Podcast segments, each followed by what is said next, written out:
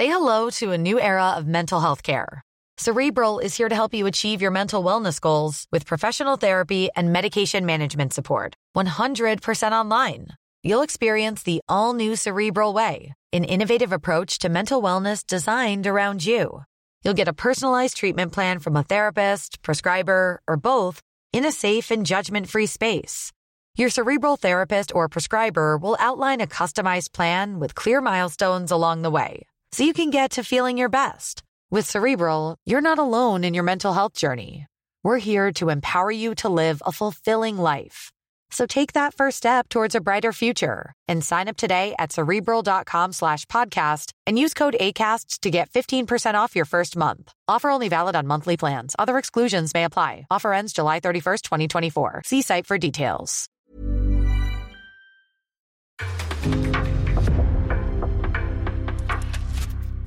En podcast från Aftonbladet.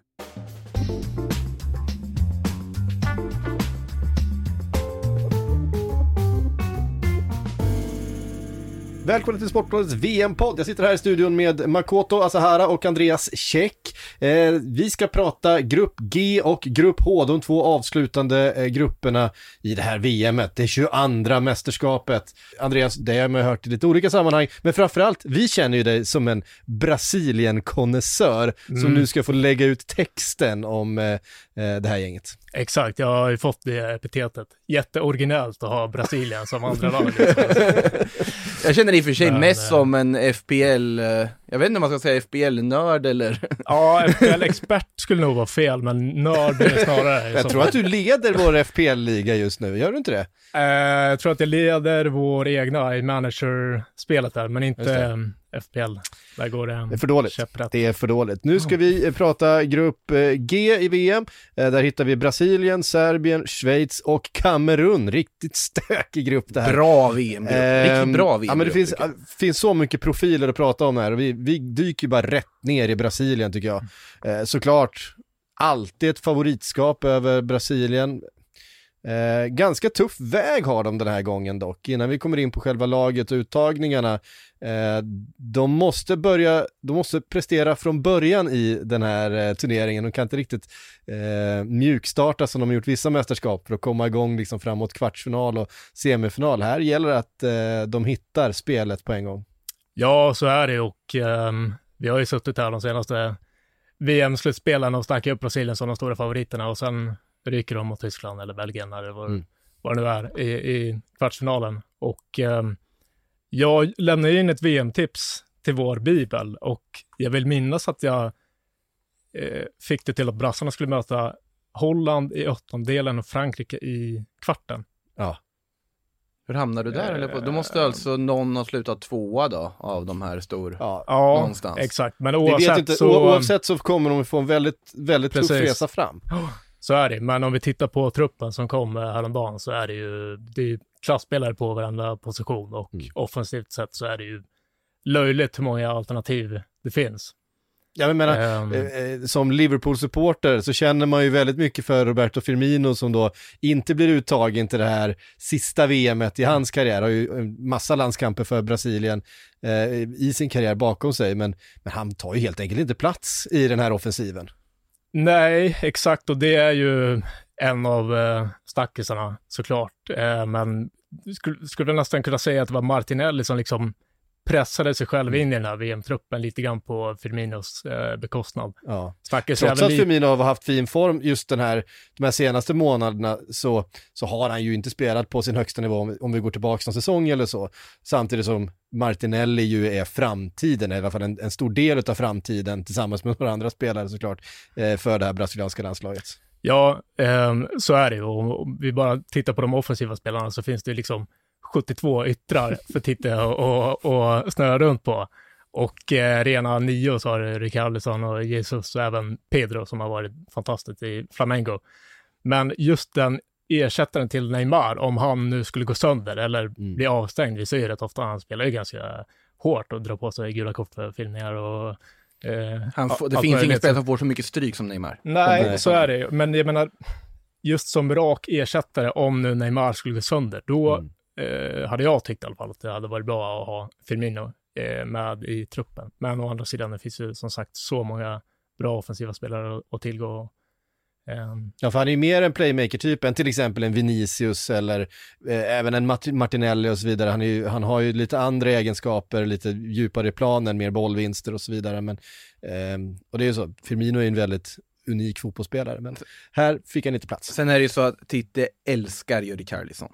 Eh, alltså just den speltypen, han vill ha den här grötiga, hårt jobbande centralforwarden framme. Sen har han ju Neymar bakom. Gissningsvis, det är ju väldigt svårt att säga exakt hur de kommer ställa upp, men det lär väl vara Vinicius till vänster och Rafinha till höger. Gissar jag i en utgångsläge med Richarlison på topp. Ja, alltså jag skulle nästan säga att Rafinha är mer given än Vinicius Ja, eh, från start, vilket kan låta helt sjukt med tanke på hur bra Mm. Vinicius har varit i Real Madrid. Men det jag skulle säga att det är egentligen bara tre spelare, eller fyra, som är helt gjutna. Det är Alisson, det är Marquinhos, det är Casemiro och Neymar. Sen finns det alternativ på alla andra positioner. Ehm, men det man kan säga om Titta är att han har ju sina favoritspelare.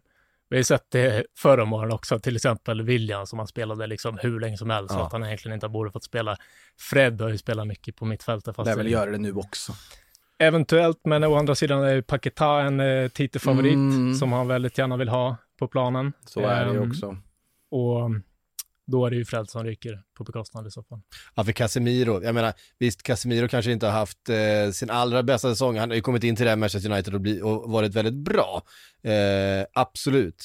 Men han har ju varit verkligen ryggraden i det här brasilianska laget under, under så många år. Vi ser väl inte att det finns någon, eh, någon som utmanar honom om, om den positionen eh, som kommer underifrån, någon, någon ung va?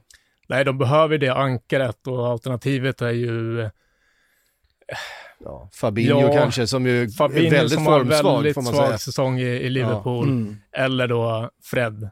Mm. Eh, men Casemiro skulle jag säga är helt gjuten. Han kommer, han kommer spela varenda match. Det är väl Om- nästan den viktigaste spelaren för dem att inte få någon skada på egentligen. Alltså Neymar absolut såklart, men du har ju sån enorm uppsjö av offensiv kvalitet som vi pratade om. Eh, Alisson, ja då har du Ederson bakom, det är inte fy skam det. Marquinhos, ja då har du, det, man, det är Thiago Silva eller om Är det det- är Eder Militao som går in Precis. där. Eh, du har ju dessutom Gleison Bremer som ett alternativ också. De har ju en otrolig uppsjö, alltså enda svagheten i det här Brasilien som man ser tycker jag är ytterbackspositionerna. Mm. Eh, 39-årig Dani Alves. Eh, Det är helt otroligt att han han fortfarande... är ju fortfarande, han är ju fortfarande fantastisk, men ja, sam- och det är ju lite kontroversiellt ändå får man ju säga att han är med, för att det är ingen som räknar med att han kommer spela. Å andra sidan hade man inte heller trillat av stolen om man dyker upp där från start i öppningsmatchen. Men det känns ju lite som att han är med i rollen som en slags lagpappa, han vet vad de här matcherna betyder och en viktig liksom person i omklädningsrummet, även om det finns många ledare i Mm. laget så, ja, och det är också så här, skulle han ha struntat i att ta ut Dani Alves och ha, Militao kan ju även spela högerback liksom, Mm. skulle han kunna få in en till offensiv spelare då i så fall, till exempel Fir- Firmino, eller Gabriel i Arsenal som många vill ha in också, så att det var inte helt okontrovers ko- okontroversiellt att ta med Mm. en 75-årig Dani Alves i, i den här truppen, men Mm. någon fun- funktion fyller han väl. Men det lär väl vara Danilo som är första valet där, eller Militao till höger är väl ganska sannolikt att han kanske går ut då. Uh, vänsterbacken Alexandro är en sån spelare man är förvånad över ens platser i det här laget fortfarande, men de har lite problem på den positionen. De har ingen solklar spelare som håller absolut världsklassnivå som övriga idag. Uh, Nej, och det känns ju så konstigt att säga att Brasiliens svaga punkt är ytterbackarna med tanke på vad de har haft. vad de har haft, ja men, det, ja men det är väl kanske åren. lite på grund av vad de har haft som man känner att det är en svaghet. Eh, sen, sen är det ju, du ska ju ha en, eh, en spelare från inhemska ligan som vi i västvärlden inte har koll på, typ Pedro som, Mm. som du nämnde här. Det, det, det är ju inte en brasiliansk landslagsgrupp utan någon sån. Så är det. Så är det. Och jag tror han kommer ha lite joker Mm. funktion i det här VMet, att eh, Richarlison kommer vara den nia som spelar från start. Jesus kommer få sin inhopp, men jag tror också att Pedro kommer få lite speltid här och där. Han har ju varit, som sagt, Mm. fenomenal i Flamengo. Vann skytteligan i Copa America, så att det är ingen, det är ingen duvunge på något sätt. 25 år gammal, eh, har fysiken, inte jättesnabb, men otrolig, otroligt vass eh, avslutare också. Men man saknar ju anfallsfred ändå.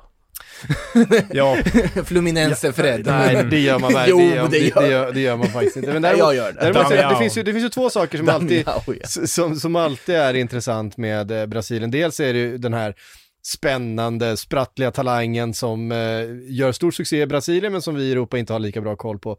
Så finns ju alltid den här kontroversen med den här, som då Ga- Gabriel Martinelli är i det här laget, brassen som har haft en karriär i Europa men som inte är känd i Brasilien.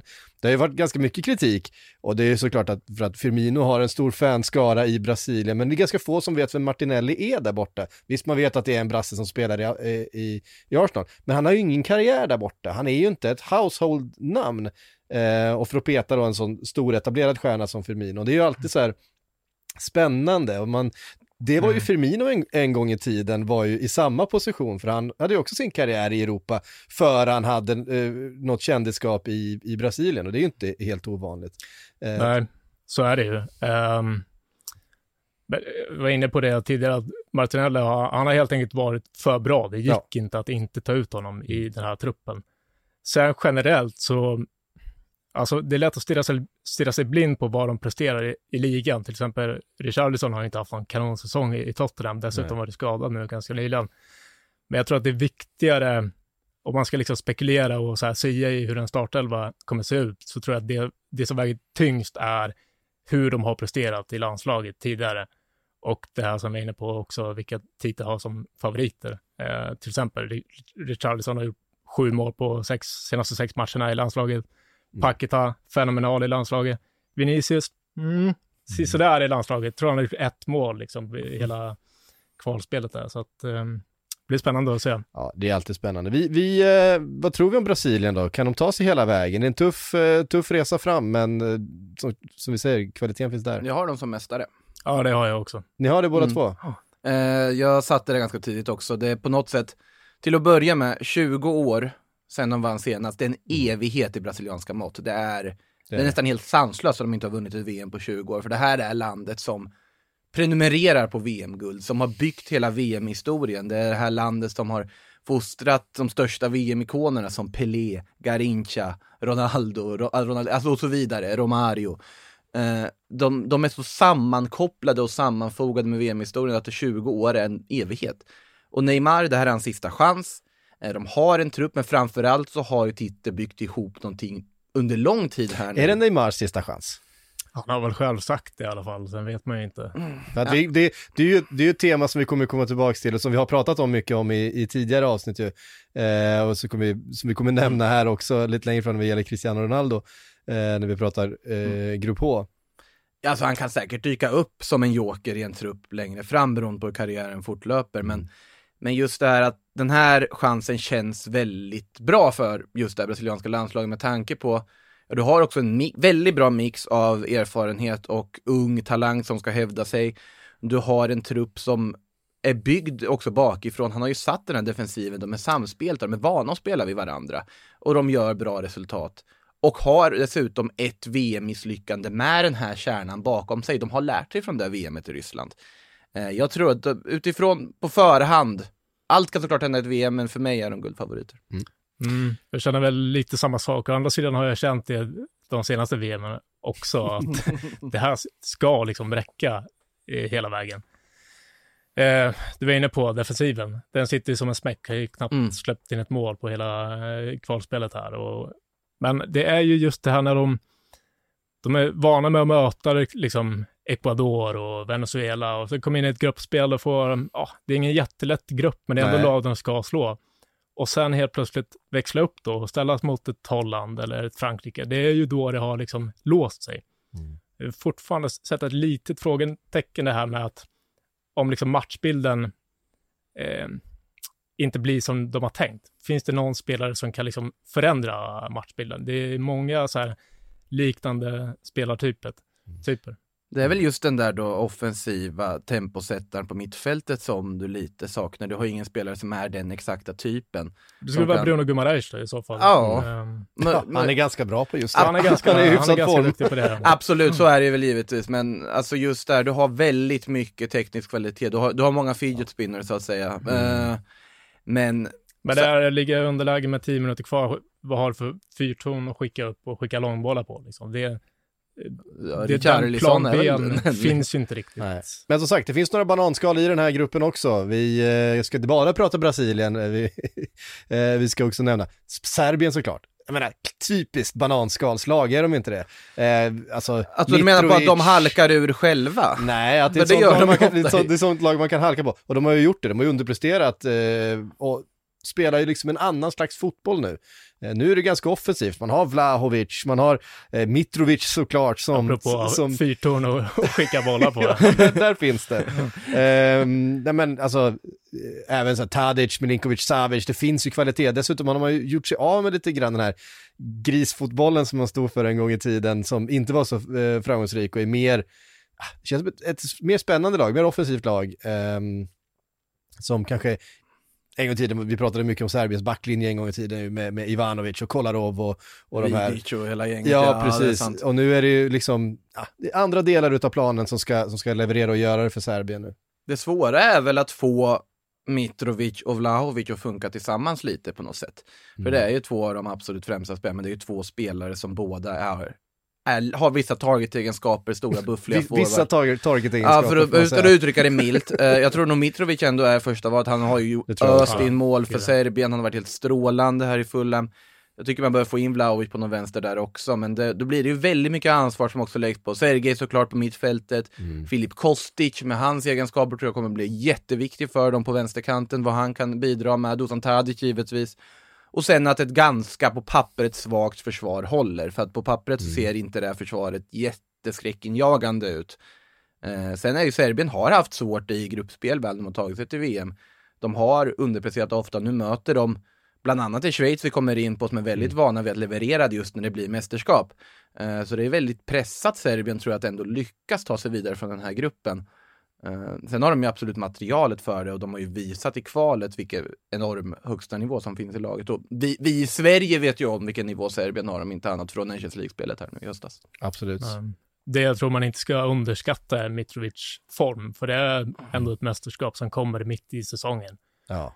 Och det har ju varit sån otrolig leverans eh, i flera månaders tid. Nu har han haft lite skadeproblem här på slutet, men jag menar, det närmare målgaranti än så kommer man ju inte. Nej, och det är ju så här, det är också typiskt så här, ett Brasilien, och man är lite så här, man skjuter lite för mycket utanför, får det inte riktigt att stämma, och sen kliver Mitrovic upp och... en chans, ett mål. En, en, en chans, ett mål. Liksom lite fasta situationer, hörner, frisparkar eh, och spela fysiskt mot det här eh, Brasilien och även mot andra lag. Alltså om vi tänker att Serbien går vidare.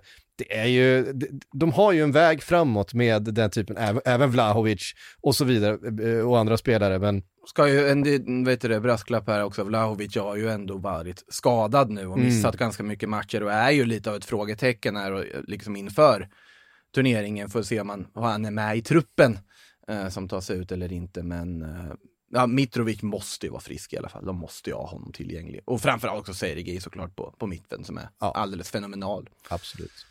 Vi eh, tar oss vidare från Serbien då och snackar lite Schweiz.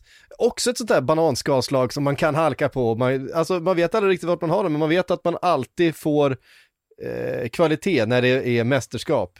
Ja, jag menar, då har man ett ganska spännande mittfält tycker jag. Jag menar, eh, Granit Xhaka är ju i sin livsform, verkligen. Han är ju en... Har Eh, ja men en, en, en otrolig renässans, han har varit fantastisk i Arsenal den här, eh, den här hösten och kommer in, och det är också sådana spelare, Granit Xhaka med självförtroende, med liksom eh, lite pondus och så här, det är ju en kanonspelare, en Granit Xhaka utan självförtroende med, det kan ju, det, det kan ju vara, förstöra vilket lag som helst, för att ta ett rött kort och så sprider dålig stämning omkring sig. Men det är inte den Granit Xhaka vi har nu. Eh, spelar då, eh, vad man tror tillsammans, eller bredvid Freuler från eh, Nottingham Forest. Ja just det, han är en av alla där. ja. Man glömmer vilka Nottingham har värvat alltid tycker jag. Eh, så ett, eh, ett hel engelskt då in i mittfält som ska... Zakaria och Jibril Sow är med i den diskussionen också, var med på det mittfältet. Så det, det är ju väldigt bra centrala mittfältsalternativ de har. Och, och så har du ju Cher och Akanji, Mm. mittlåset. mm, Det är, det är ju väldigt bra mittback. Akanji måste man ju säga, fått sensationellt genombrott här i City. Det var väl ingen som räknade med att han Nej, det var ingen som, eh, som såg det komma eh, riktigt. Beroende på skador, men han har ju spelat i stort sett varenda match och varit eh, klockren. Liksom. Som Ja. högerback dessutom. Mm, Eh, ja, så- både och ju. Ja, ja. men eh, det var ju också en värvning man blev väldigt förvånad över. Han hade ju på något sätt sanerat lite i Borussia Dortmund, men sen insåg man kanske att det var väl systemet i Dortmund som inte passade hans egenskaper, för han har alltid varit en väldigt upphausad mittback. Och han har ryktats i stora klubbar och så vidare, men när City värvade honom för den summan de gjorde så var det ju överraskande och nu han har ju verkligen bevisat att det var otroligt väl investerade pengar för Citys del och kul för Schweiz också att få honom matchträna till det här mästerskapet. Jan Sommer har vi också bakom dem. Jag skulle precis säga det. Det finns ju två, finns ju två pjäser här som man inte pratar kanske så mycket om eh, alltid, men som alltid när det är mästerskap vet man kliver upp och levererar för landslaget. Då tänker jag på Jan Sommer och Sherdan Shakiri. Mm. Alltså för att de två är så viktiga för det här schweiziska landet. Det spelar liksom inte så stor roll vad de gör eh, under säsong i sina klubblag, så man vet att de, de är nycklar i det här schweiziska laget. Eh, och båda kommer vara väldigt viktiga här också såklart. Ja. Sen är ju frågan, vem ska göra målen? Seferovic såklart. Target på tal om, på tal om det, Ja. eller Brill Embolo har du ju också som ja. kom in i det här laget. Det, det, är rätt, det är sjukt att Embolo ba, fortfarande bara är 25 år gammal. Det känns som att han har varit med i så här, ja, 25 år. Ja, det känns så. Alltid den här talangen som aldrig blir något. Liksom. Ja, nej, man var ju supertalangen och, som man trodde skulle vara nästa liksom, riktiga storstjärna. Har ju inte riktigt blivit så, men han är väl ändå första alternativet där fram. Bra Bundesliga-nivå på honom. Det ska ju sägas om Jan Sommer också. De spelar ju båda i nu ska vi se, ja, Embolo kan ju till och med flyttat därifrån eh, i alla fall. Ja. Eh, som, Sommer i Gladbach har varit alldeles strålande, bara Bundesligas alltså, räckvidd hit till den svenska tv-publiken, även om det går att se så är den inte alltid jätte, jättetydlig för alla vad de, vad de åstadkommer där. Eh, nej men alltså det är en bra trupp. Sen är det inte en trupp som man känner wow, det här kan gå hur långt som helst. Det är en, det är en vanligt bra schweizisk Det är fotbollstrupp. en vanlig trupp. Ja men alltså ja, Shakiri, Ja. Var, hur, han har ju varit bra där borta i USA, men frågan är hur påverkas han av att ha MLS-tempo från Chicago Fire istället för att Nej, ha... men, det, men det är det jag menar, men han har ju också kommit ifrån säsonger där han bara suttit på bänken. Och, ja, ändå, och när det är landslag, när det är mästerskap så kommer han in och så är han nyckelspelare. Han är Ja, den som gör det poängen. kommer Han är det, här också. Och det kommer han, han kommer, han kommer slå alla fasta, ta alla fasta situationer, han har den där vänsterfoten som eh, är liksom verkligen en poängmaskin. Eh, och, och, och så med den inställningen han har och, och allting som är det som runt Sherdan Shakiri, han är, han är ju speciell. Ja, och det, detsamma går ju att säga om Xhaka också, att även om Ja, han har haft sina absolut. djupa dalar i Arsenal så har han ju fortfarande varit briljant i landslaget. Så uppenbarligen är det ju systemet sitter, spelarna Ja. vet vad de ska göra och det är ett väloljat maskineri. Verkligen. Och det är därför de har gått långt i många slutspel. Från ett väloljat maskineri till Kamerun. ja. Ja, det har varit stökigt inför det här mästerskapet också, faktiskt. Uh, ja, men det, Men de har Choupo-Moting. och han levererar verkligen. Jag tycker det är helt sanslöst att han inte är nominerad till månadens spelare i Bundesliga faktiskt den här månaden. Eh, skandalöst nästan med tanke på hur fruktansvärt bra han har varit. Eh, och han är ju med i truppen givetvis, i den kamerunska truppen. Någon som också är med, borde säga givetvis på den, men det var inte så givetvis, är André Frank Sambo Anguissa i eh, Napoli. Eh, typ, jag höll på att säga typ världens bästa fotbollsspelare under hösten, nu överdrev jag lite, men han har ju varit helt all, strålande, en fröjd att se spela fotboll just nu. Mm. Han var... Deppigt att du, jag som Fulham-supporter och inom citationstecken, att... Eh, Han- nej, Att han var så kass. Han levererade ju inte, han levererade ju inte i Fulham, det kan man inte Nej, säga. han gjorde ju inte det, men det, fa- det fanns ju någonting där, det fattade man ju liksom. Nej, helt briljant i Napoli, men han har ju inte varit lika briljant när han har dragit på sig landslagströjan. Och han har ju fått ganska mycket kritik från det. Samuel Eto'o har ju varit ute bland annat. Han har inte lyckats släppa det där landslaget riktigt än. Han är ju och hugger i media och så vidare. Och han har sagt det att han var kriti kri vet du, kritisk mot uh, Sambo Angissas landslagsform och undrar vad han höll på med. Uh, Sambo var inte uttagen på i sista samlingen inför VM och då kom ju rykten att det här har skurit sig helt och är han betad från den här truppen. Lyckligtvis är han ju inte det eftersom att han var med nu då. Uh, och det är ju viktigt såklart att ha in honom. Tycker jag är en ganska kul trupp på pappret. Men, ja, Onana i mål. Har ju dessutom Intermålvakten som har helt petat Samir Andanovic där. Uh, vi nämnde ju tidigare Choupo-Moting såklart. Eh, Nkolo i försvaret. Ja, men det är bra lag, men samtidigt, det kan ju alltid implodera när det är Kamerun i ett VM. Vi minns ju när de vägrade gå på flyget inför 2014 för de inte fick de bonusar de ville ha från förbundet. Och Ja jag minns ju Benoits och Ekotos yxslag mot någon i ryggen från någon VM också. Det var ju något av det sjukaste som har hänt. Ja, sig, alltså Ekoto var väl en dåre även på andra sätt. Men, eh, nej, så vad händer den här gången? Det är det man undrar. Men, men de har ju också en superprofil i Rigobert Song på, eh, på sidlinjen Ja. som man, som man verkligen vill ska eh, få Lyckas. ihop det här laget liksom. Man, man, eh, Man har behövt en honom Rigobert mycket. Song i försvaret också kan jag känna. Så Ja, att, eh, precis. Eller en Joel Matip. Eller Joel Matip, ja, han, Mm. han eh, har ju spelat, han har ju ett, ja, ett 20-tal landskamper för, för Kamerun, men jag tror att det är, det är ju ganska många år sedan han, det skar sig mellan honom och förbundet nu. Jag tror att eh, han ångrar lite grann kanske att han valde Kamerun där ganska tidigt istället för Tyskland, för jag tror han hade fått chanser i det tyska landslaget under eh, några av de här. Fast har du är haft en kamerunsk landslagskarriär utan att det skär sig med förbundet? Nej, jag Du har att, ju inte haft det. det. Det går ju inte. Det är ju alla, alltid på något sätt. Man hoppas ju att de ska bara få lite lugn och ro och få spela fotboll istället, att det ska lösa sig på så vis. eh, precis. Men det är ju för, det är för, för svår grupp. Eh, Ja, det är för svår grupp för- för- för Kamerun. Det kommer inte räcka. Va, vilka tror ni? Om vi, eh, nu är det dags att tippa då, Ja. eh, grupp G. Jag har ju brassarna som etta då, och sen har Mm. jag faktiskt Serbien som tvåa. Um, mycket på grund av Mitrovic. Ja. Sa samma här faktiskt. Uh, skrälltipset jag har är väl att Schweiz hamnar sist i gruppen. Det var det jag lämnade in i alla fall. Eh, men det är bara mest av, egentligen ingen annat skäl än att de har verkligen lyckats och varit så stabila i varje mästerskap år efter år. Någon gång måste det väl ta slut. Det är bara den magkänslan som jag har gått på där. Eh, och som sagt, jag gillar ju Sambo Angisa väldigt mycket som spelare. Jag tycker han är helt fenomenal och jag hoppas att han får visa det under VM här också. Sen hoppas jag sig Napoli får behålla honom också, men Det jobbiga med så med en Anguissa är att man har ju sett honom vara så dålig i andra sammanhang när, när, när omständigheterna inte den, eh, stämmer och miljön är fel och så vidare. De har ju sett honom vara, vara sämst på plan. Han är ju väldigt bra på att framstå loj, om vi säger så på Ja. planen. Alltså just på att han kan ju börja snurrklackspassa bollen på egen plan halva när han är pressad. Men han Mm. löser ju de här situationerna allt som oftast. Så att nej, jag tycker en helt fenomenal spelare att titta på.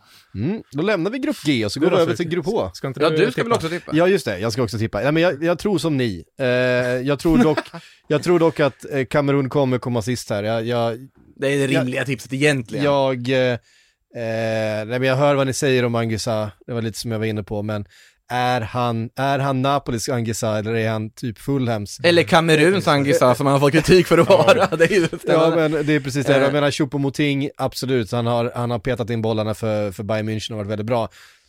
Det är liksom att bära ett, ett, ett kamerunskt landslag i ett VM, äh, Men det, nu, nu är han också nära att faktiskt få en transfersumma liksom betald för det första gången i sin karriär om man skulle göra ett super-VM här nu, Chopodowski. Så att Ja, det- precis.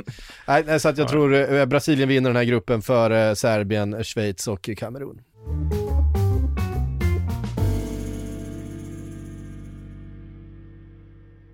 Ja, Sportbladets VM-podd är sponsrat utav Hyper.com och då har jag ju i vanlig ordning då ringt upp Steven Lee Holmdahl när vi pratar grupp G och grupp H.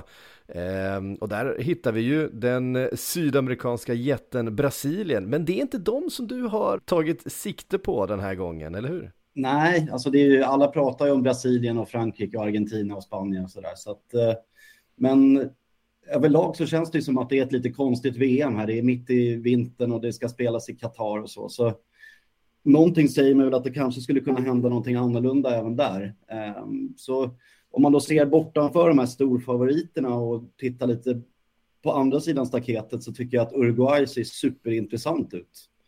Ehm, och vi får dem som turneringsvinnare till 41 gånger pengarna.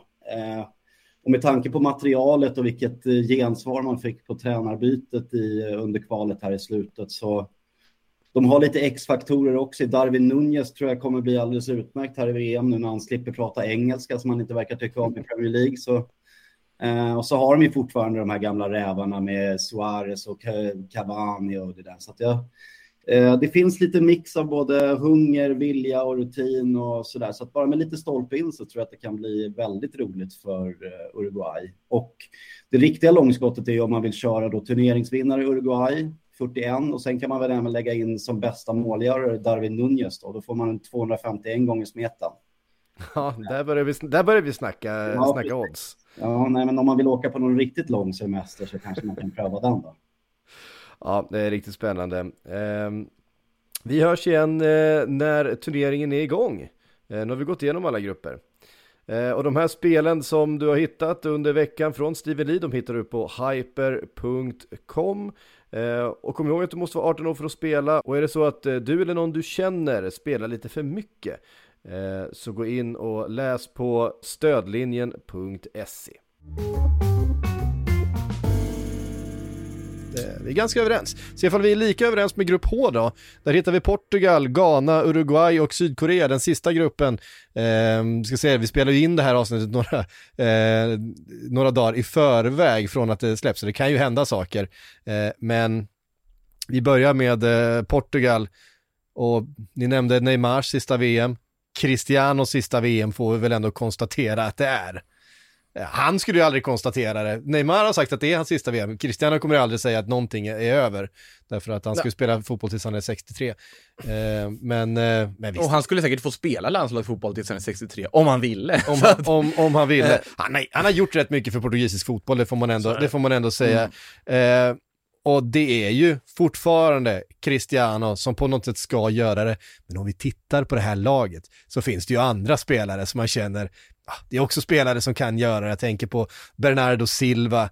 ehm, ja, nu är Diogo Jota skadad, men Rafa väldigt- Leao. Ra- Rafa Ra- Rafa Leao, eh, men i backlinjen Ruben, eh, Ruben Diaz, ehm, Cancelo. Cancelo såklart. Jag menar, Pepe. eh, det, som, det som kanske är frågan är väl det eh, mer defensiva mittfältet. Det är ju där eh, Carvalho eh, har spelat tillsammans med Ruben Neves. Mm. Eh, det är väl kanske där de stora frågetecknen, men det är ändå Palinja är ju inte fysiska. Man det är varit ändå klass, det är ändå, det är, Fulham, det är ändå, det är ändå kompetenta, man hade ju haft en sån spelare i det svenska landslaget så hade vi ju inte eh, tackat, Nej, hade vi inte tackat här, nej om vi säger så. Ruben Neves så- kanske inte ser mycket ut för världen alla gånger, men det man vet ju vad man får. Ja. Och det är liksom, det är tre, fyra plus varje gång i Ja. varenda match. Konstant. Det var ju därför det var Mm. större lag i Premier League som var och ryckte honom nu i somras också. Så att, Och eh, fortfarande rycker. ja. Ja. Så att, nej men alltså Portugals trupp på pappret är en av de absolut bästa i den här turneringen och det är på alla positioner egentligen. De har ju en extrem bredd. Det finns egentligen inga jag tycker inte det defensiva mittfältet är en alltför stor svaghet. Det är kvalitetsspelare på den, den, den positionen också. Ja. Eh, den stora svagheten ligger i kan Fernando Santos hantera det här materialet och få dem att nå maxnivå? Det har man varit väldigt tveksam till ganska länge. 2016 när de vann EM och Santos var förbundskapten och Ronaldo fick lyfta den där bucklan till slut. Då hade han ju ett katastrofalt material runt omkring sig. Det var ju vissa spelare man undrar, men hur överhuvudtaget lyckades de här gå, gå och vinna EM? Om man ska överdriva lite. Eh, och då funkar... Karesma, Nej, men jag tänker på, jag tänker på han... saknar man varje dag. Nu, nu, nu står det helt still i huvudet vad anfallaren som avgjorde EM-finalen heter. Ja, precis. Ja, det var ju en högst medioker fotbollsspelare. Det var Mm. ju sanslöst att han vann ett EM-guld. Eh, det var det materialet man hade den då. Och då funkar det att spela den här defensiva, hårt, hårda, liksom pragmatiska fotbollen. Fernando Santos har inte velat släppa den alltså melodin riktigt och även om man har en uppsjö av offensivt material att jobba med så är det inte så pass flytande. De har inte lyckats på något sätt göra rätt för epitetet Europas brassar Nej. av att de inte riktigt får ihop den offensiven. Du har ju så mycket material. Och Joao Felix kommer alltså från ett Atletico där han inte utnyttjas till fullo till ett Portugal där han inte kommer ut. eh? Han kommer ju knappt spela på grund av liksom Nej, precis. Jag menar, vi har inte ni har inte nämnt Bruno Fernandes liksom. Ja just det, han ja. Alltså det finns så, det ju så otroligt mycket bra fotbollsspelare just nu. Jag menar, och vi har ju, alltså lagen i, i, toppen, i Europatoppen har ju bara fyllt på med portugisiska spelare de här senaste åren. Alltså kolla Manchester City med Cancelo, med Bernardo Silva, med Ruben Diaz och så vidare. Matteus Nunes har du till mittfältet också i, i Wolf dessutom. Han kostade Ja. en halv miljard i somras. Portugis i Wolves. Renato Sanchez kanske? Ja, sjukt va? Ja, Renato Sanchez är ju... Renato Sanchez kanske ska in ja, han har vi någonstans också. Vitinha har varit helt okej ordinarie i PSG, så han Ja. kanske vi ska ha in på det där mittfältet också om vi vill. Ja men det är nog den sjukaste truppen skulle jag säga Ja, i, extrem, i hela VM. Det är så... Målvaktsbesättningen också är ju inte så dålig. Nej. Någon det- av dem där ska ju peta, så att... eh, Mm. Vem, vem är det i kassan? Är det Sa eller är det... är Rui Patricio Det är? Patricio fortfarande. Ja, det måste det väl vara. Zaha har ju varit Premier Leagues bästa ja, målvakt i ja. två och ett halvt år nu, så att det, det är hårt. Ant Antoni Lopez är ingen dålig målvakt i Lyon om vi ska säga så heller, så att eh, de har ju, men vilket material de har. Men det är just Och det. Nelson Samedo ska in också Mm. och få skället av Cristiano. Det, ni kommer ihåg det i, i eh, Nations League-matchen Mm. när, när Cristiano gick ut och krävde att Nelson Samedo skulle bytas ut för att han, han tyckte att det var för dåligt spel på den kanten. Viktor poängterar att det är alltså innan den truppen har tagit ut Nelson Semedo kan inte vara med, tänker jag personligen, men vem vet? jag vet inte. Diogo Dalot ska väl in där? Ja, Dalot ska ju in. Men hur är det med Jota? Är det helt kört? Det är- Ja, det är helt kört. det är helt kört. Han, han är borta. Och, vilket är ju ett, faktiskt ett ganska stort, man tycker de har så otroligt mycket offensiv kraft. Men Diogo Jota kanske har varit den bästa målskytten i det Mm. portugisiska landslaget. Just i landslagströjan har ju han varit en målgaranti, verkligen, eh, under de senaste åren. Så att, eh, där han Cristiano hade- han hade har varit- gjort en del mål också. Ja, Christi- Cristiano har ju såklart gjort eh, en massa mål och massa viktiga mål och sätter ju alla straffar och så vidare. Eh, Det, eh, det råder ju inte tvekan om, men, men jag tror att eh, hade Jota varit frisk så hade han varit eh, ett startalternativ i det här laget. Eh, Absolut. Så. Men en, men en viktig aspekt här är också att, lag, att man inte blir för beroende av Cristiano. Det har ju varit ett problem tidigare i mästerskap också. och det har ju varit ett när vi- problem för alla klubblag han spelat i också, att han, han tar ju upp väldigt mycket syre. Mm. Eh, Och framförallt i ett Portugal där han är den största genom tiderna. Ja, och vi har pratat om Bruno Fernandes med alla kvaliteter han har och, och vilken fantastisk fotbollsspelare att han har haft svårt tillsammans med Cristiano Ronaldo att få de ytorna och få den, den, den, ta den platsen som man behöver för att verkligen kunna spela sin fotboll. Ja, nej men typ- en spelare som Rafael Leao till exempel, att han Ja, bara jag tänkte precis lös. fråga, vad, vad tror vi om honom, om honom då? För jag har med honom i min VM-11, men eh, det är så här, Jag vill så gärna att han är självskriven i startelvan. Mm. Jag vill så gärna att han får fria tyglar och bara springa med den där bollen med det här patenterade leendet han har när Mm. han bara kör. Men jag vet inte för att det är Santos som är förbundskapten och det skulle inte förvåna mig om han väljer en mycket mer pragmatisk eh, defensiv approach till det hela. Du måste ha den typen av spelare som, han, han kan ju bidra med en viss grej som inte någon av de andra portugiserna egentligen kan idag. Eh, säga man vill om Bruno Fernandes, Joao Felix och så vidare. De har inte den här liksom glimrande speeden och den här en mot en förmågan som Rafael Leao och Cristiano Ronaldo hade det en gång i tiden. Det har han inte idag. Eh, Det var väldigt många år sedan han hade det. Men ja, jag hoppas verkligen att han är självskriven och eh, får bara släppas lös fullkomligt för då, då kan det bli väldigt roligt framåt. Om, säg så här om Jota hade varit med. Så Då hade ju Jota inte- gått före Rafael Leao från start tror jag. Ja, i, exakt. Men jag hade ju valt Leao före Jota alla dagar i veckan. Okej, ja. Men också, det är lätt att sitta här och säga när man inte har den här truppen och har jobbat med Ja, vi ska säga det, att när vi spelar in det här så är inte truppen än eh, presenterad och som ni hör, det är ju otroligt mycket bra fotbollsspelare eh, att välja på och någon, någon måste ju stanna hemma, någon av alla de här som vi har nämnt, kanske förutom Nelson Semedo, Nelson Semedo. Ja, så svårt att se det. Ja. eh, kommer kanske få stanna hemma, menar kan vi ta ut alla de här centrala mittfältarna i en eh, trupp? Jag är inte säker på att Joao Felix är med. Nej, det är inte säkert att, och då pratar vi en, en miljardspelare som eh, var en av Mm. Europas allra hetaste anfallare för ett par säsonger sedan. Vad gör Eder nu för tiden förresten? ja, det var en bra fråga. Jag ska jag kolla upp medan vi går är vidare i uh, Spelar spelschemat. fotboll? Vi, eh, vi eh, lämnar eh, Portugal då och går vidare till Ghana. Ett eh, väldigt Premier League-tungt, en Premier League-tung trupp, får man säga. Thomas Partey såklart, den stora stjärnan. Tarek Lamptey är ju Ja. där och spelar för Ghana nu för tiden. Mm. Ehm, fick inte chansen i det engelska landslaget. Eh, det finns ju gott om ytterbackar där att- välja på. Eh, valde att spela för Ghana istället. Blir en, ett intressant VM för honom. Han har väl en, vad jag har kunnat hitta, landskamp än så länge för Ghana. Ja, men det är en speciell eh, karriär där, för att när han väl spelar så är han ju alltid bäst på planen oavsett vad motståndarna heter. Men det Ja. är väl eh, de där eh, baksidorna som inte riktigt håller Nej, för den speed eh, han har. Uh, Al Raed i Saudiarabien, senaste klubben på Eder, hittade jag precis här. Men sen, eh, Skräll. han gjorde faktiskt lite mål där också. Eh, jag hade glömt att han var så lång. Men i alla fall, 1,90. Men eh, just det här med att värva in spelare till landslag, så Tarek Lamptey pratar ni om här. Ja. För den jag reagerar på är ju Iñaki Williams. Ja, just Eh, Atletic klubbikonen som har spelat för det spanska landslaget. men inte då i tävlingssammanhang. Han har inte spelat matcher eller minuter än och varit uttagen i vissa trupper. Eh, och därmed då varit fri. Han har ju velat spela för Spanien, har väntat på att Lucho Enrique ska ringa honom. Inget samtal, inget samtal. Äh, men jag vill spela det här VMet, jag börjar ändå komma till lite till åren. Ghana har säkert ringt varannan vecka i flera års tid för att få dit honom. Nu fick de ett okej, okay, ja men jag spelar för Ghana. Så att Iñaki Williams i den truppen ska bli jättekul att följa. Är det något mm. japanskt påbrå där också? Iñaki? Iñaki. Iñaki är otroligt baskiskt. Är det? Ja. Ja, det lät japanskt. Tänkte, också för att du ville lyfta fram honom så tänkte jag Jaha, jag lyfter fram annat än japaner. Ja, jo, så är det, Nej, Iñaki Williams är ju, är ju baskisk och mm. han har ju det, det pågående rekordet eh, rätta mig om jag har fel, för också flest matcher i rad i Atletic Club. Helt sanslöst rekord han håller på att slå där.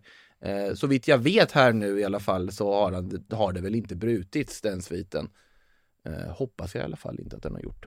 Eh, då får jag ta tillbaka det i sånt fall. Men nej, men som sagt, Iñaki där. Sen har du också som gamla Alltså grundbultarna i det här laget, också Thomas Partey givetvis ja. på mittfältet. Bröderna Ayew. Ja, André är väl fortfarande lagkapten som jag har förstått. Mm. Eh, han spelar i Qatar nu mm. för tiden. Hemmaplan. Eh, men ja, brorsan, brorsan har faktiskt varit väldigt... Nu. Ja, precis. Äldre, brorsan har faktiskt varit väldigt bra i, i Crystal Palace i år. Mm. Kanske gör en av sina starkare vår, eller höstar. Eh, om jag ska vara riktigt ärlig, är ju helt självskriven där. Eh, men du har också, du har ganska mycket spännande spelare. Amartey har vi också. Amartey i försvaret blir jätteviktigt, du har mycket yngre, Salisu i Southampton, mm. du har Sulemana i Rennes som jag ska, tycker är väldigt spännande att följa. Kudos från, all, eh, från Ajax, ja, verkligen. jättespännande spelare ju. Eh, är ju fin och, och ja men det, det, det, finns liksom ganska mycket kvalitet i det här och såklart man fått in en Tarek Lamptey som ju, som du säger, alltså Uh, när han är på plan och han är frisk, då är han fan nästan ostoppbar i vissa, ja. i vissa sammanhang. Uh, kan ju verkligen vara en joker som ytterback uh, i, för ett sånt här Ghana. Och, Hittar han formen, det, är han frisk? mardröm då som ytterback, försvarande ytterback, sprungit upp och ner på din kant i 70 minuter, så byter de in Tarek Lamti. ja, precis. Som bara 100 km i timmen och bollen klistrad i fötterna liksom. det som kan vara svårt för en sån spelare, tänker jag. Alltså i landslagssammanhang och mästerskap, ofta ganska defensivt mm. eh, präglade lag. 1,63 lång, eh, han behöver lite ytor för att ta sig runt för att han kan inte ta för mycket eh, dueller för de förlorar han ju på, på vikt helt enkelt. Han är en, en liten kille. Lär väl vara Odoi som går före där på den positionen till början i alla fall, kan man tänka sig. Eh, men det är ju en rolig joker att ha in och det är ju det är kul mm. för dem att ha fått in de här spelarna. Det är spelare som verkligen uppskattas av, av Ghana att ha fått in, att de vill representera Ghana här nu. Och som sagt, det är ju Iñaki blir väldigt spännande att se vad han kan göra och hur, om han kan bära det här laget också offensivt. För de har inte haft den här riktiga, de har haft Asamoah Gyan i tidigare mästerskap och det, det är ju en stjärna om något. Eh, men nu har de inte Asamoah Gyan utan nu har de ju Iñaki Williams istället. Mm. Vi ska till Uruguay som också har ett fantastiskt lag på gång här. Det är svårt att veta vart man har det här Uruguay. Men alltså anfallsparet eh, Darwin Nunez, Luis Suarez, mm. det, det, har ju något. Ja, både kvalitet och grisighet. Kvalitet, det är, full, det är ju full, det är ett fullständigt dårhus ja, ju. Alltså, Men det Uruguayans landslag ska vara ett dårhus. Alltså ja. det, det är ju den uruguayanska garran som det heter, garracharua, alltså mm. den här klöset som de har och det som symboliserar en uruguayansk fotbollsspelare. Det besitter ju de här spelarna i det här laget också. Spelare som Luis Suarez, Darwin Núñez, Fede Valverde, mm. José Jiménez, alltså de här, de symboliserar ju verkligen det här på ett sätt. Ja, ja det här är ju ett av mina absolut favoritlag där. Fortfarande ja. Jiménez och Godin längst bak. ja, alltså du har ju Ronald Araujo dessutom, och om man hinner tillbaka från sin skada, han lär väl i och för sig gå som högerback, vilket han har gjort med bravur också i landslagssammanhang. Eh, men som sagt, det finns ju jättemycket alltså riktigt bra material i det här laget. Det ska bli väldigt ja. spännande att följa. Och, och spelare i form, Betancourt i, i Tottenham, mm. eh, jättefin. Valverde nämnde du, han har ju haft ett enormt genombrott. En av världens absolut bästa mittfältare för tillfället, Fede Valverde. Och då överdriver jag inte. Luis Suarez är ju såklart ganska långt över sin peak. Å andra sidan i landslagströjan, mm. plus att vi vet ju liksom höjden som finns och och den där vansinnet som bubblar i den kroppen som man inte ska underskatta, ja, som ibland kan vinna dig vilken match som helst. Sen ska väl, Cavani ska väl med i truppen också och agera någon slags supersub. Mm, jag antar Får man det. ju, Det lär han Tänker väl jag. göra. Mm. Det har varit lite konstigt om man inte gör, men det är som sagt den här truppen är inte heller helt uttagen men han är ju med i bruttotruppen i alla fall till, till det här mästerskapet. Så vi får väl se, men det finns ju många liksom Men galningar fram- överlag. Ja men framförallt offensivt, jag menar bara se de här anfallarna tillsammans med eh, Valverde, med, eh, med Betancourt och, eh, och sådär, det, det finns så mycket kvalitet bara. Det, det, det kommer vara häftigt att se på. Jag är lite nyfiken hur man kommer att använda Fede Valverde. Alltså med tanke på att nu i Madrid så har han ju varit kanske allra bäst när han har fått spela högerytter här och bara storma. Han har ju väldigt mångsidig, han kan spela inne mitt som är hans primära position, används mycket som högerytter, Jag har nästan högermitt, tänkt på honom och. Betancourt tillsammans, eh, men du kanske måste ha något defensivt bakom dem. Ja, och då är frågan, vem skulle det vara? Naitan Nandes håller väl inte riktigt kvaliteten riktigt för Torreira. Ja, Ja, Torreira Torreira skulle- givetvis. Skulle kunna gå in där också. Sen tycker jag inte att Torreira riktigt håller fysiskt. Han har ju kanske pannbenet, men han är lite för, lite för liten. Eh, för för den rollen ensam. Pitbull-terrier. Jo men det är absolut, men, men, eh, men att ensam, ensamt Mm. ankare med två stycken som stormar framåt, men kanske Betancourt är lite Ja, mer, balan, lite precis. mer Han är ju eh, en två, balanserande... två, tvåvägs än vad Valverde är som ju är mer offensiv. Det är ju ett galet mittfält i alla fall och Fede Valverde är ju bara kaos på en fotbollsplan på ett positivt sätt då. Eh, Ja, det är de ju allihop. Jo, det är det och det, det ska bli jättekul att följa men jag tror att de har något bra på gång. Nu är det ju inte den gamle sympatiske Tavares som sitter där på förbundskaptenposten och mer, han har ju utan han har ersatts där så att det blir också spännande att se hur det här Uruguay kommer funka då. Eh, men ja, jag, jag har dem väldigt långt i den här turneringen eh, på förhand. Har jag, för jag tycker att de har så otroligt mycket material. Som är, det här är ju Luis Suarez sista chans ska jag säga. Så Ja, gud, så ja. det är ju, Ja. tillför ju en hel del. Eh, du har spelare som verkligen är i form, du har en bra bredd på truppen. Eh, men inte helt lättlästa heller på det. Många spelare som också har gjort det bra borta i, i Sydamerika. Där Asaeta, ytter, yttern är ju ett namn som kanske inte många känner till som är duktig. Nicolas de la Cruz, en annan spelare i River Plate i vardags. Eh, mycket bra spelare överlag och bred trupp. Och det är helt sanslöst att vi varje år kan säga det om Uruguay som har fyra miljoner invånare. Ja. Ja, det är, Att det är de- faktiskt sanslöst. producerar där. Och de har den här hungern också längst fram i, Darwin Nunez. Man måste verkligen ta med det. Han missade ehm, eh, Sydamerikanska mästerskapen Mm. eh, förra sommaren på grund av skada. Då hade han redan slagit in i, i, i landslaget och var, var, var given där uppe, missade då på skada. Det var eh, oerhört tungt för honom har man förstått eh, rent personligt att missa det mästerskapet som skulle bli hans första. Nu får han chansen eh, i VM och han kommer vara, han kommer det- vara Det är rött kort i första matchen. Ja, det är risk för det. Men det känns som att det, det kommer Det finns många som eh, tävlar om det här röda kortet kan jag säga. Det, det känns som att det är bra timing eh, att VM kommer nu för Nunez. Han hade liksom lite svårt att acklimatisera sig i början. Ja. Liverpool ett helt nytt språk som han fortfarande kanske inte riktigt Nej, har, behärskar jag tror inte han pratar ett ord engelska än. Men nu börjar han liksom hitta någon slags form Ja. i Liverpool här och sen komma till landslaget med alla sköna gubbar där och Absolut. behärska språket och ja.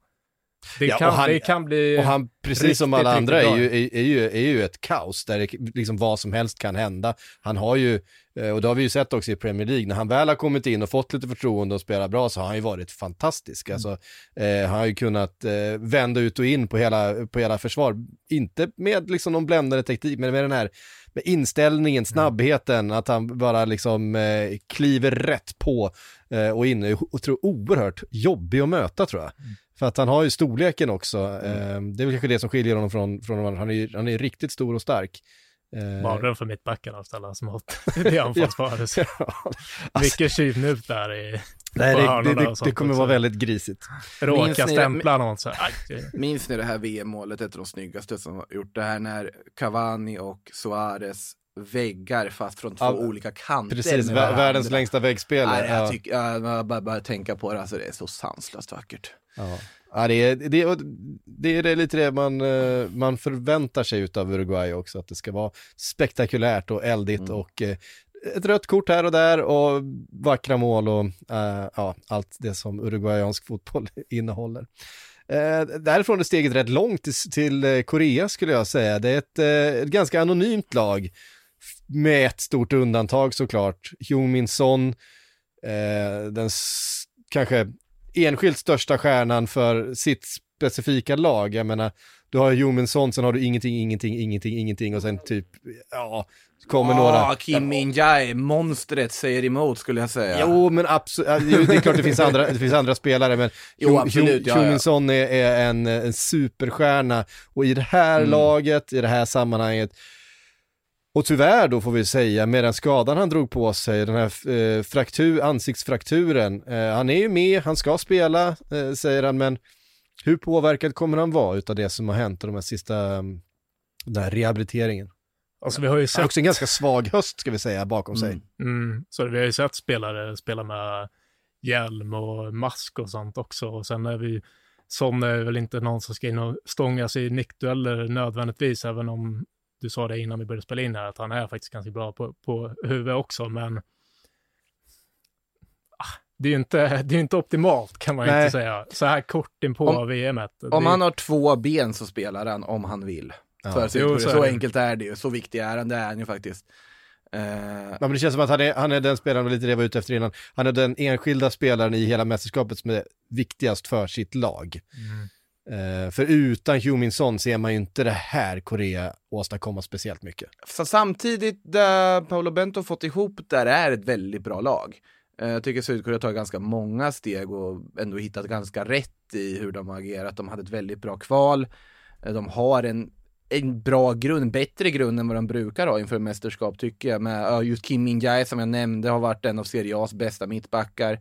Eh, självklara ledaren i det här försvaret, totalt skoningslös. Han har ju smeknamnet monstret av en anledning. Eh, livsfarlig att möta.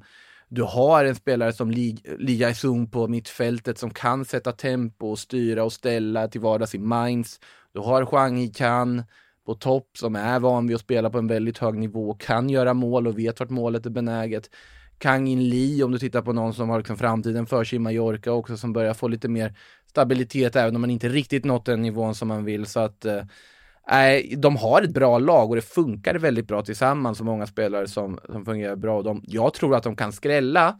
Jag tror inte de går vidare från den här gruppen för det är en, det är både den roligaste, det är den roligaste gruppen på pappret i det här VMet tycker jag till att börja med. Vi, vi kom till det roligaste, roligaste sist här.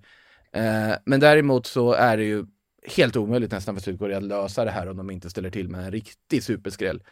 Eh, eller att Min Son då verkligen lyfts av den här masken som, lär, som man lär behöva ha när han spelar. Ja, och sen sk- det ska ju sägas också att det är inte bara skadan, han har ju också haft en säsong som har varit Verkligen. allt annat än eh, bra. Från att ha varit liksom en av Premier Leagues absolut bästa spelare i fjol till att vara i stort sett osynlig här första halvan av den här säsongen. Så.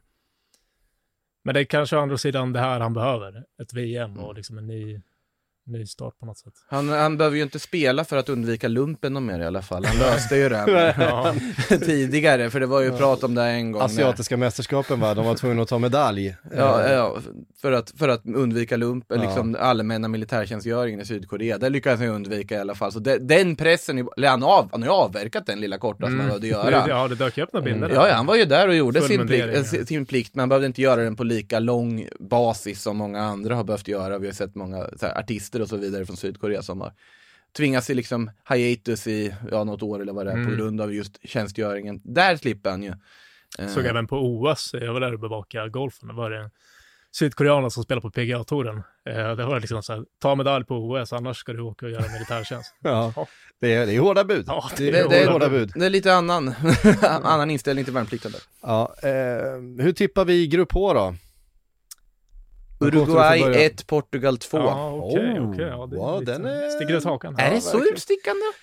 Ja, lite får man ändå Oddsmässigt så säga. är väl Portugal ändå förhållandevis stor favorit till att vinna gruppen. Men det är ju inte förvånande om Fernando Santos eh, riskminimerar sig till 0-0 i premiären heller. Så, det, nej, så, är ju det som är... Nej, ja, det är mitt, eh, jag vet inte hur stor skräll det är, men jag har Vi det. ser inte Ghana lite skrälla. mini, miniskräll. Men eh, jag, jag tror Portugal 1 och Uruguay 2. Ja, det är, man ser, alltså, man hade gärna sett Ghana liksom... eh, Ghana, få- Sydkorea hade få, få, få till någonting. Ja, Sydkorea ger jag inte sådär jättemycket för, jag tycker att det är eh, lite för anonymt, men eh, kanske för att jag inte har så bra koll på kanske de, de, de koreanska spelarna. Eh, de spelar väl i, i, i, mycket i Tyskland va? Ja, bland annat uh, Lee Jae-sung i Mainz och så vidare. Men uh, som sagt, Kim Min-jae. En, en, annan detalj om Kim Min-jae, han har alltså jättestort carpe diem tatuerat över bröstet.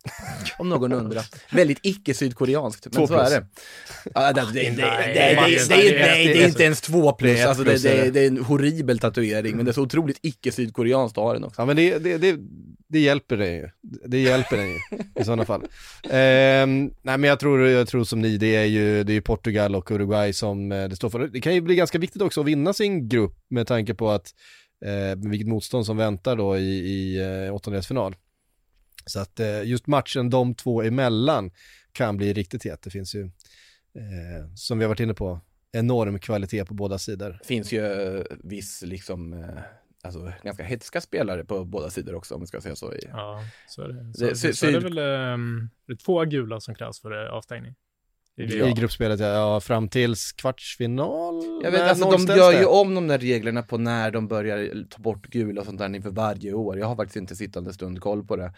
Men, men det är det... väl inte så att det nollställs efter gruppspel? Så generösa kan de väl inte vara? Det måste väl vara en alltså, man vet ja, det är någon, det är någon ytterligare match innan det, innan ja. det nollställs. Eh, nej, jag tror att det är någon ytterligare också. Två mm. i grupp. Men det, det, det, är också en annan, förutom att det är en väldigt spännande grupp på förhand tycker jag, mm. med och liksom dödens grupp på pappret. Eh, så är det ju också, alltså Uruguay var vi inne på, de är galningar. Portugal, ja vi har Pepe och hela gänget och det är spelare som inte lägger några fingrar emellan och kan vara riktigt griniga. Sydkorea, hur de spelar ibland, det är inte många fingrar emellan där heller. Och så Ghana, på, ja, det kan smälla i den här gruppen. Ah. Så att jag, ja, det är utan tvekan min favoritgrupp att, att, att följa det här mästerskapet. Ja, förutom Japans grupp då. Ja, förutom Japans grupp. Såklart. Givetvis. Hörde ni, grymt att eh, ni var här och pratade grupp G och H. Nu är det bara några dagar kvar då eh, från att det här släpps till att eh, VM drar igång. Och VM-11 fortsätter vi tipsa om då såklart. Eh, in och gör era lag. Utmana oss i, i, eh, och andra poddar. Eh, kan man göra. Vi kommer tävla som Sportbladets VM-podd. Eh, sen kan man också utmana våra personliga eh, lag då såklart. Eh, Makoto, jag vet att du har lagt ner enormt mycket och vi har ju Mr. Fantasy mm. här i rummet. Mm. Eh. Ge mig ett tips. Ett tips. Alltså en, en, en, en, en, spelare, ditt bästa, ditt bästa kap liksom. Ja, bästa kap. Man ska kanske säga Castan då i, i Belgien. Oh, Väldigt billig, kommer ha en framskjuten eh, mm. eh, ytterbacks. Gör en del poäng där, i Leicester. Om jag inte helt minns fel så ingår nog han i uh, listan. Jag gjorde väl lite fynd också till ja. spelet, men det är helt mm. ute och cyklar. Som sagt, det är ett par dagar kvar till eh, deadline för VM-11. In och eh, ta del, anmäl er till eh, ligorna så ses vi där. Härifrån inför programmen säger vi tack så mycket och när ni lyssnar på oss igen, ja men då har premiären spelats och spelen är igång. Tack för idag, Andreas Makoto, tack för att ni var här, tack för att ni som har lyssnat, hej!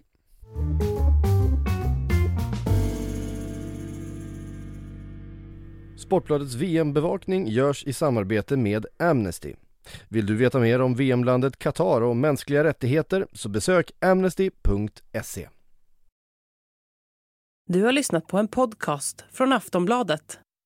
Ansvarig utgivare är Lena K Hey everyone, I've been on the go recently. Phoenix, Kansas City, Chicago. If you're like me and have a home but aren't always at home, you have an Airbnb. Hosting your home or a spare room is a very practical side hustle. If you live in a big game town, you can Airbnb your place for fans to stay in. Your home might be worth more than you think. Find out how much at airbnb.com/slash host. Samuelsson